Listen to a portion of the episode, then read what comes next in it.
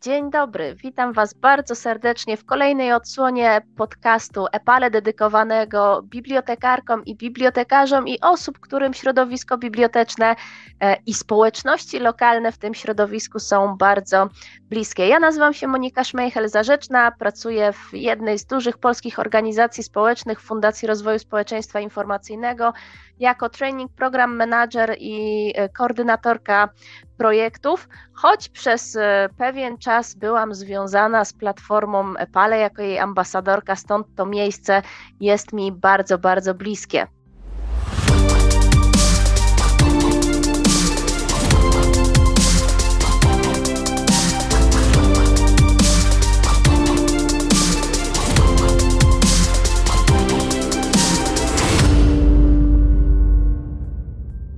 Moją dzisiejszą gościnią jest e, Małgorzata Makowska, e, wyjątkowa osoba, która od ponad 20 lat zarządza różnego rodzaju projektami edukacyjnymi. W ostatnim czasie skupia się na koordynacji działań i projektów e, wspierających społeczność ukraińską w Polsce i integrację osób z różnych środowisk, różnych kultur. Pracuje w zespołach międzynarodowych szkoli, pisze projekty, opracowuje też e, procedury, a jedną e, z najbliższych jej metod edukacyjnych są właśnie tytułowe kluby wiedzy, czy z angielskiego Learning Circles.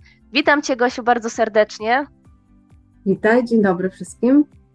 I to będzie temat naszej dzisiejszej rozmowy Learning Circles, czyli kluby wiedzy, dość specyficzny E, sposób na, uczanie, na uczenie się, zwiększanie swoich kompetencji, ale też myślę nawiązywanie relacji, metoda, którą myślę możemy śmiało powiedzieć, że jest taką metodą blended, e, uczenia mieszanego się. Trochę rzeczy odbywa nam się zdalnie za pomocą technologii, komputera, kursów e-learningowych, ale też e, duży nacisk położony jest na spotkanie osobiste, e, rozmowę i wspólną naukę. I myślę, że tutaj, Gosiu, na początek zaprosiłabym Cię do tego, żebyś opowiedziała nam, na czym polega ta metoda, skąd ona w ogóle się w Polsce wzięła i jak to wszystko działa tak w praktyce. Jest mniej więcej tak, jak powiedziałaś. Jest to metoda mieszana, czyli wykorzystujemy kursy online, ale spotykamy się wszyscy razem na żywo, bo relacje są najważniejsze y, w tej metodzie. Skąd to się wzięło? Przez przypadek. Spotkaliśmy kiedyś, y, nasze przedstawiciele naszej organizacji spotkali osoby z P2PU, czyli Peer-to-Peer University, to jest mała amerykańska organizacja pozarządowa, która właśnie wprowadziła tę metodę jako alternatywną metodę pozyskiwania wiedzy. Mm, w Stanach nauka jest płatna, więc tam, żeby się czegokolwiek nauczyć, zawsze trzeba było zapłacić. A ta metoda zakłada, że korzysta się z darmowych kursów online, z darmowych materiałów online, y, spotyka się w miejscach publicznych, czyli też nie płaci się żadnych Y, opłat za wstęp i razem ludzie uczą się tego, czego akurat potrzebują się nauczyć. I nam bardzo się spodobała ta metoda i wprowadziliśmy ją dzięki projektowi y, Erasmus Learning Circles i Libraries, czyli kluby wiedzy w bibliotekach. Wprowadziliśmy tę metodę do Polski. I na czym ta metoda polega? Jak już wspomnieliśmy, kursy online albo dowolny materiał online grupa ludzi, którzy chce się czegoś nauczyć, 4 do 6 spotkań, y, moderator. Zwykle jest to osoba z biblioteki, ale to może być dowolna inna osoba, która chce się zaangażować w tę metodę. I razem spotykamy się raz w tygodniu lub raz na dwa tygodnie i wspólnie przechodzimy materiał y, z danego kursu.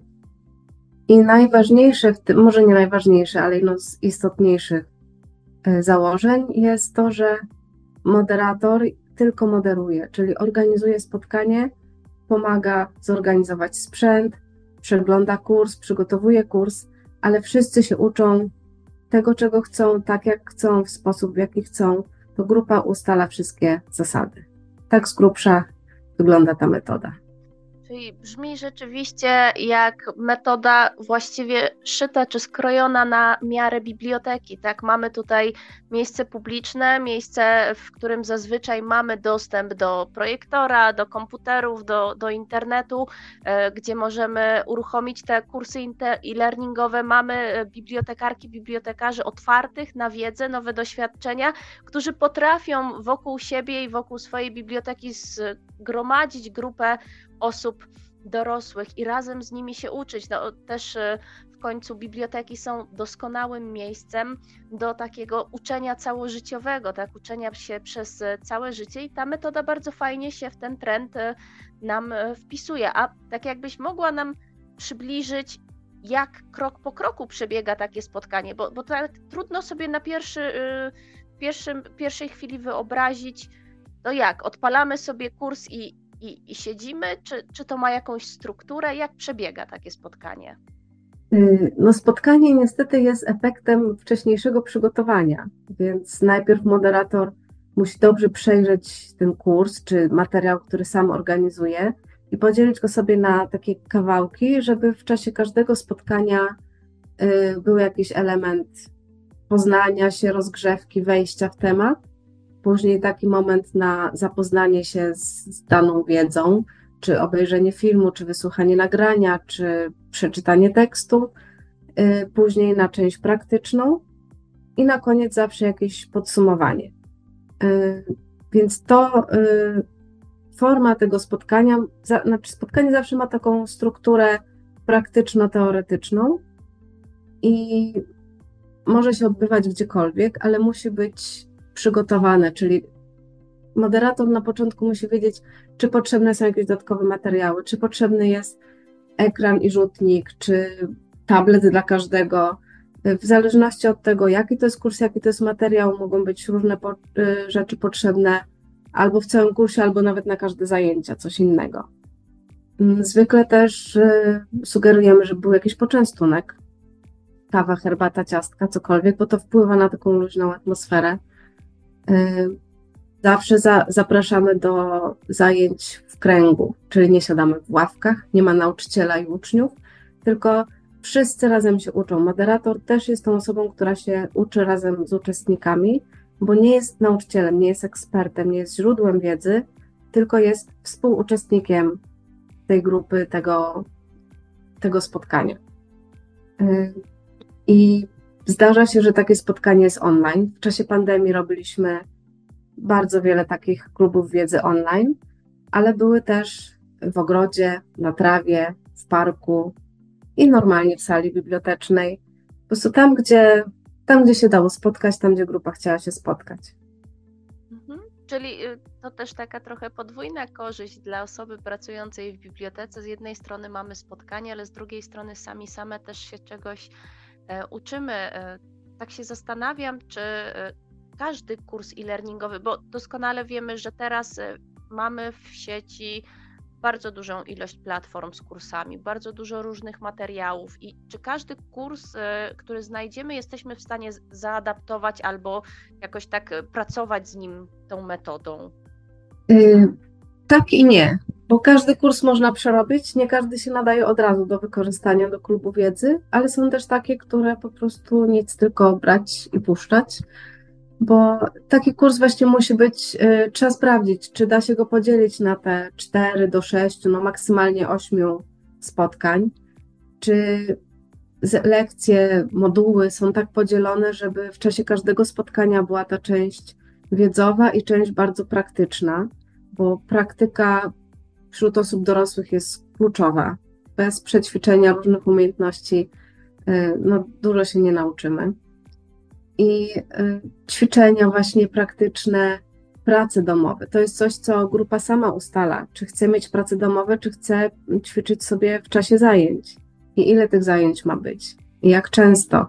Więc to, y, jeżeli już wiemy, jakie potrzeby ma grupa, w jaki sposób się uczy, bo też są osoby, które uczą się poprzez dyskusję, poprzez interakcje w grupie. Są takie, które potrzebują trochę cichej pracy. Są takie, które mogą pracować w ciszy i takie, które potrzebują muzyki.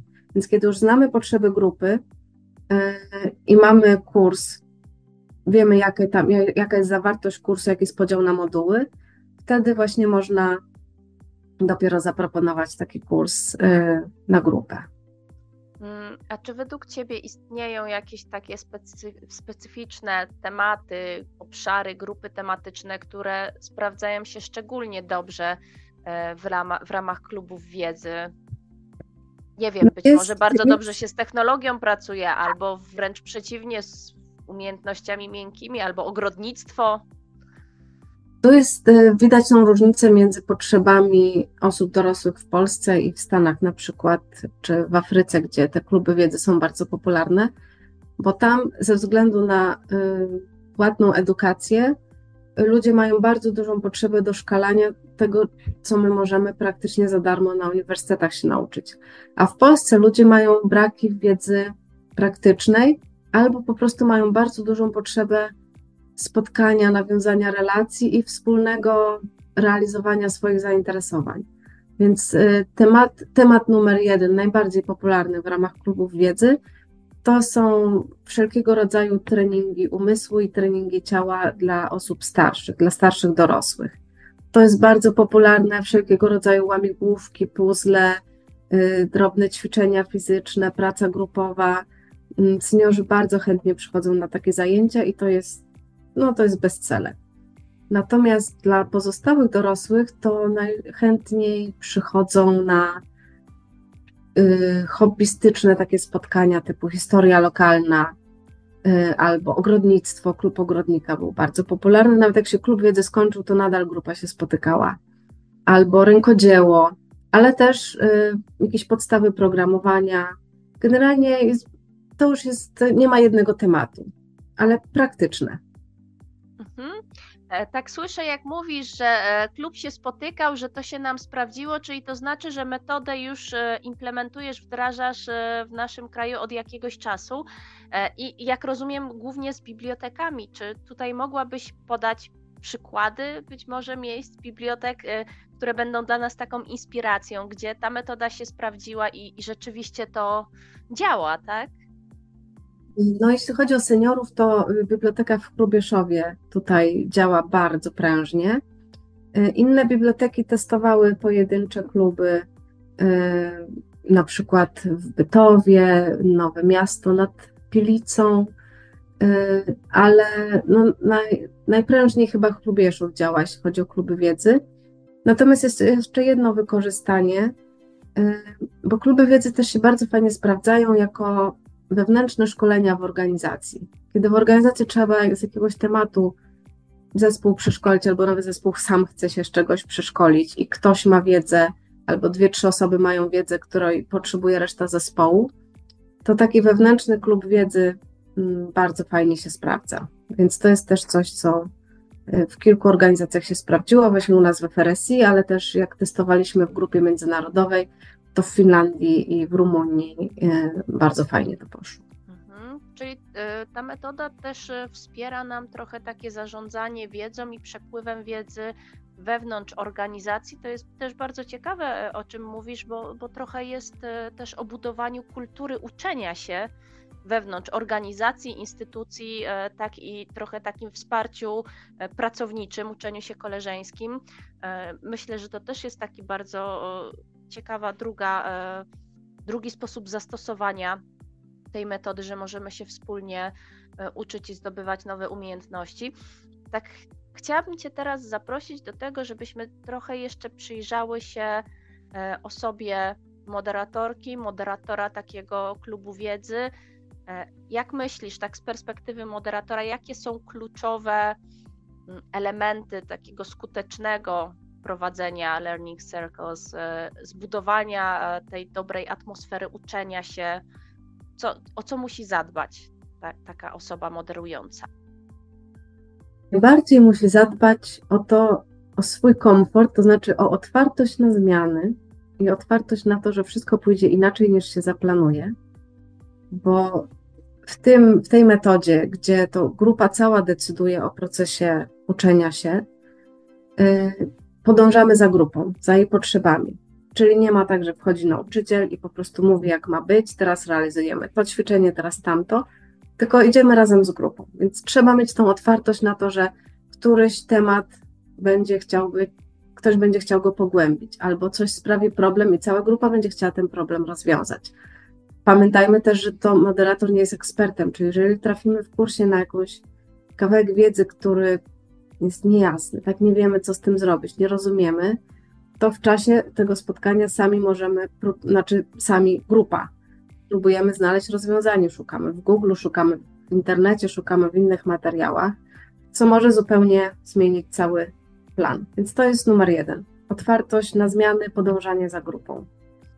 Y, ale też mimo wszystko to przygotowanie. Moderator musi bardzo dobrze znać y, kurs, który proponuje, żeby właśnie wiedzieć, czy da się go podzielić na te wszystkie y, zajęcia, czy są te części praktyczne. Grupa też będzie próbowała, w Polsce zwłaszcza jest to bardzo typowe, jednak ustawić moderatora w pozycji tego eksperta. Więc trzeba mieć cały zapas takich pytań, a co ty byś powiedział, a jak ty myślisz? No to może razem poszukajmy. Tutaj trzeba się wykazać bardzo dużą asertywnością, ale też y, delegowanie obowiązków. Zwykle w bibliotekach jest tak, że kiedy bibliotekarz zaprasza na spotkanie, no to czuje się gospodarzem i czuje się w obowiązku, żeby wszystko było jak najlepiej i żeby wszystko zapewnić uczestnikom ale przy tej metodzie y, zakładamy, że grupa dzieli się obowiązkami, czyli jeżeli na pierwsze spotkanie przygotowuje bibliotekarka czy bibliotekarz, to pytamy się na kolejnym, kto ze mną je przygotuje, kto przyjdzie wcześniej i ustawi krzesła w krąg, kto przygotuje poczęstunek. I takie delegowanie obowiązków dla niektórych jest bardzo trudne, więc też trzeba się do tego trochę przygotować. I w zasadzie to jest y, to tyle, bo chodzi o to, żeby być z tą grupą i pomóc im w ich procesie nauki, i, a jeżeli oni uznają, ta grupa uzna, że akurat teraz bardziej zależy na relacjach, na rozmowie, na dialogu, to jeżeli akurat cała lekcja jedna wypadnie z tego spotkania, to po prostu przesunąć ją na kolejne i nie przejmować się tym, że akurat tego modułu nie zrealizowaliśmy. Mhm. Myślę, że tutaj e, oprócz e, tego, że możemy się uczyć razem, możemy korzystać z zasobów sieci, pojawia się też bardzo dużo wątków takich bardzo fajnych z perspektywy bibliotekarskiej, czyli właśnie troszkę to przerzucanie odpowiedzialności czy współodpowiedzialności za spotkanie na grupę. Bo tak jak jesteśmy, tak jak powiedziałeś, jesteśmy w Polsce przyzwyczajeni do tego, że tak, jak gdzieś się mamy uczyć, to mamy nauczyciela, eksperta, który nam wiedzę podaje na tacy, jeszcze organizuje salę, wszystko, poczęstunek i my tylko przychodzimy i mamy tylko chłonąć tą wiedzę całymi sobą. A tutaj rzeczywiście tak korzystamy e, z możliwości grupy, ale też w kontekście społeczności lokalnej, lokalnej ja myślę, że to ma ogromną wartość, bo integruje. Więc e, może też bardzo dobrze wpływać e, na budowaniu takich być może ambasadorów bibliotecznych albo ambasadorów edukacji bibliotecznej, e, więc e, widzę tu też olbrzymi potencjał również poza samą edukacją, w samym budowaniu społeczności. To właśnie, to jeżeli mówimy o tym budowaniu społeczności, o, o trochę takiej może ekspansji, tak, skalowaniu tej metody, powiedz mi, Jakie są teraz możliwości? Czy można dołączyć? Jeśli jak, to, to gdzie? Gdzieś się zgłosić? E, wiem, że, że została też uruchomiona platforma, gdzie można takie spotkanie zaplanować. Jak to działa, gdyby któraś z bibliotek zechciała teraz e, taki klub wiedzy u siebie uruchomić? Potwierdzę jeszcze, że to jest bardzo ważny element to budowanie relacji bo po każdym klubie wiedzy grupa z reguły się spotyka jeszcze potem, albo chce kolejny, żeby był zorganizowany, albo sama przynosi materiały i pomysły i wiążą się, nas, te osoby, uczestnicy zwykle wiążą się już bardziej na stałe z biblioteką, y, są bardziej zaangażowani, więc to jest taki bardzo ważny dodatkowy element. Jakby ta wiedza jest tylko pretekstem. E, a relacje i zaangażowanie i, i stała obecność to jest coś, co zostaje. I zapraszamy bibliotekarzy właśnie na naszą nową stronę e, kluby wiedzy frsi.org.pl. Tam są wszystkie informacje o tym, czym są kluby wiedzy, co to jest za metoda, Jest też kontakt do nas, więc zawsze można się skontaktować, zapytać. E, mamy nową platformę, można tam założyć sobie konto moderatora. Każdy może bez żadnych opłat założyć konto i przetestować sobie, jak to działa, albo najpierw się skontaktować z nami, e, żebyśmy zrobiły jakieś krótkie szkolenie czy wprowadzenie do tematu.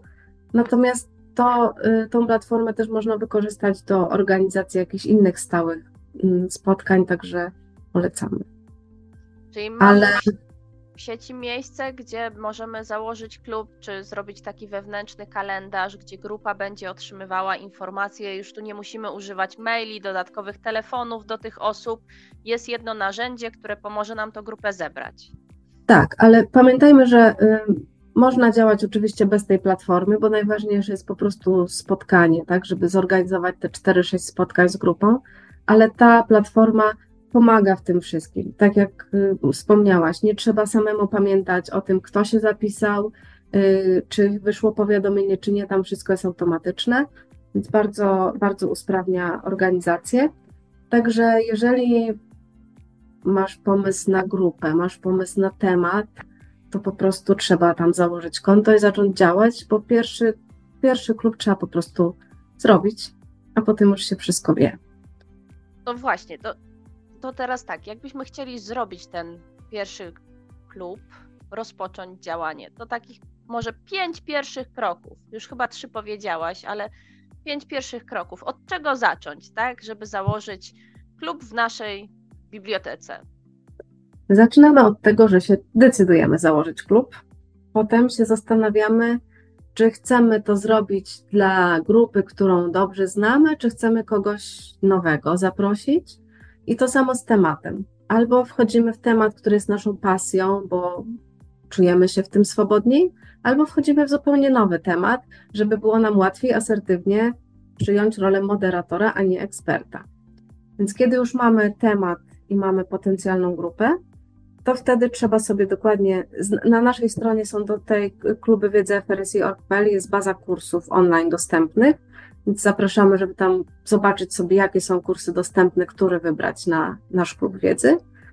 I kiedy już mamy wybrany kurs, wybrany pomysł na grupę, trzeba w bibliotece um, ogłosić, znaczy na stronie, w bibliotece, gdzie, gdzie tylko się da, w klubach seniora albo w klubach mam, czy w innych miejscach, e, zaproponować termin spotkania grupy, i rozpocząć zapis. Oczywiście w międzyczasie jest ten etap, że trzeba założyć konto moderatora i można się z nami skonsultować po wskazówki, ale generalnie to jest grupa, temat, termin i działamy. I mamy bardzo dobry przepis, myślę, na udane i atrakcyjne zajęcia, które będą dopasowane do, do grupy, a też nie będą dla osób bibliotekarskich jakoś mocno obciążające. Ostatnie pytanie Ci zadam może będzie trochę podchwytliwe, może e, przewrotne, ale myślę bardzo ważne, bo e, biblioteki to jednak są też świątynie literatury. Czy jest gdzieś przestrzeń, żeby do takiego klubu wiedzy włączyć czy wykorzystać książki? Oczywiście, bo y, to, że źródła wiedzy ma być darmowe. My zakładamy, że jest to jakiś kurs online, natomiast często y, w przypadku na przykład klubu wiedzy, gdzie była lokalna historia, grupa się tak zaangażowała w ten temat, że potem właśnie przeszukiwali y, zbiory biblioteczne w poszukiwaniu książek związanych z tym tematem. Y, to może być, y, klub książki może być w formie klubu wiedzy. Generalnie każde źródło wiedzy jest ważne, każde źródło wiedzy jest dozwolone. Chodzi tylko o to, żeby się razem czegoś nauczyć w miłej, przyjaznej atmosferze, nie w szkole. Więc książka tutaj jak najbardziej pasuje. To myślę, dla wielu osób też jest bardzo ważna wiadomość i też taki bodziec, który e, zainteresuje, żeby wprowadzić w swojej bibliotece tą metodę. Bardzo Ci, Małgosiu, dziękuję za tą rozmowę. W materiałach pod e, tym nagraniem znajdziecie link do platformy klubów wiedzy. Ja serdecznie zapraszam do zapoznania się z informacjami, poszukania kursu stworzenia pomysłu na to, jak e, zebrać grupę i oczywiście też do kontaktu e, z Małgosią z FRSI.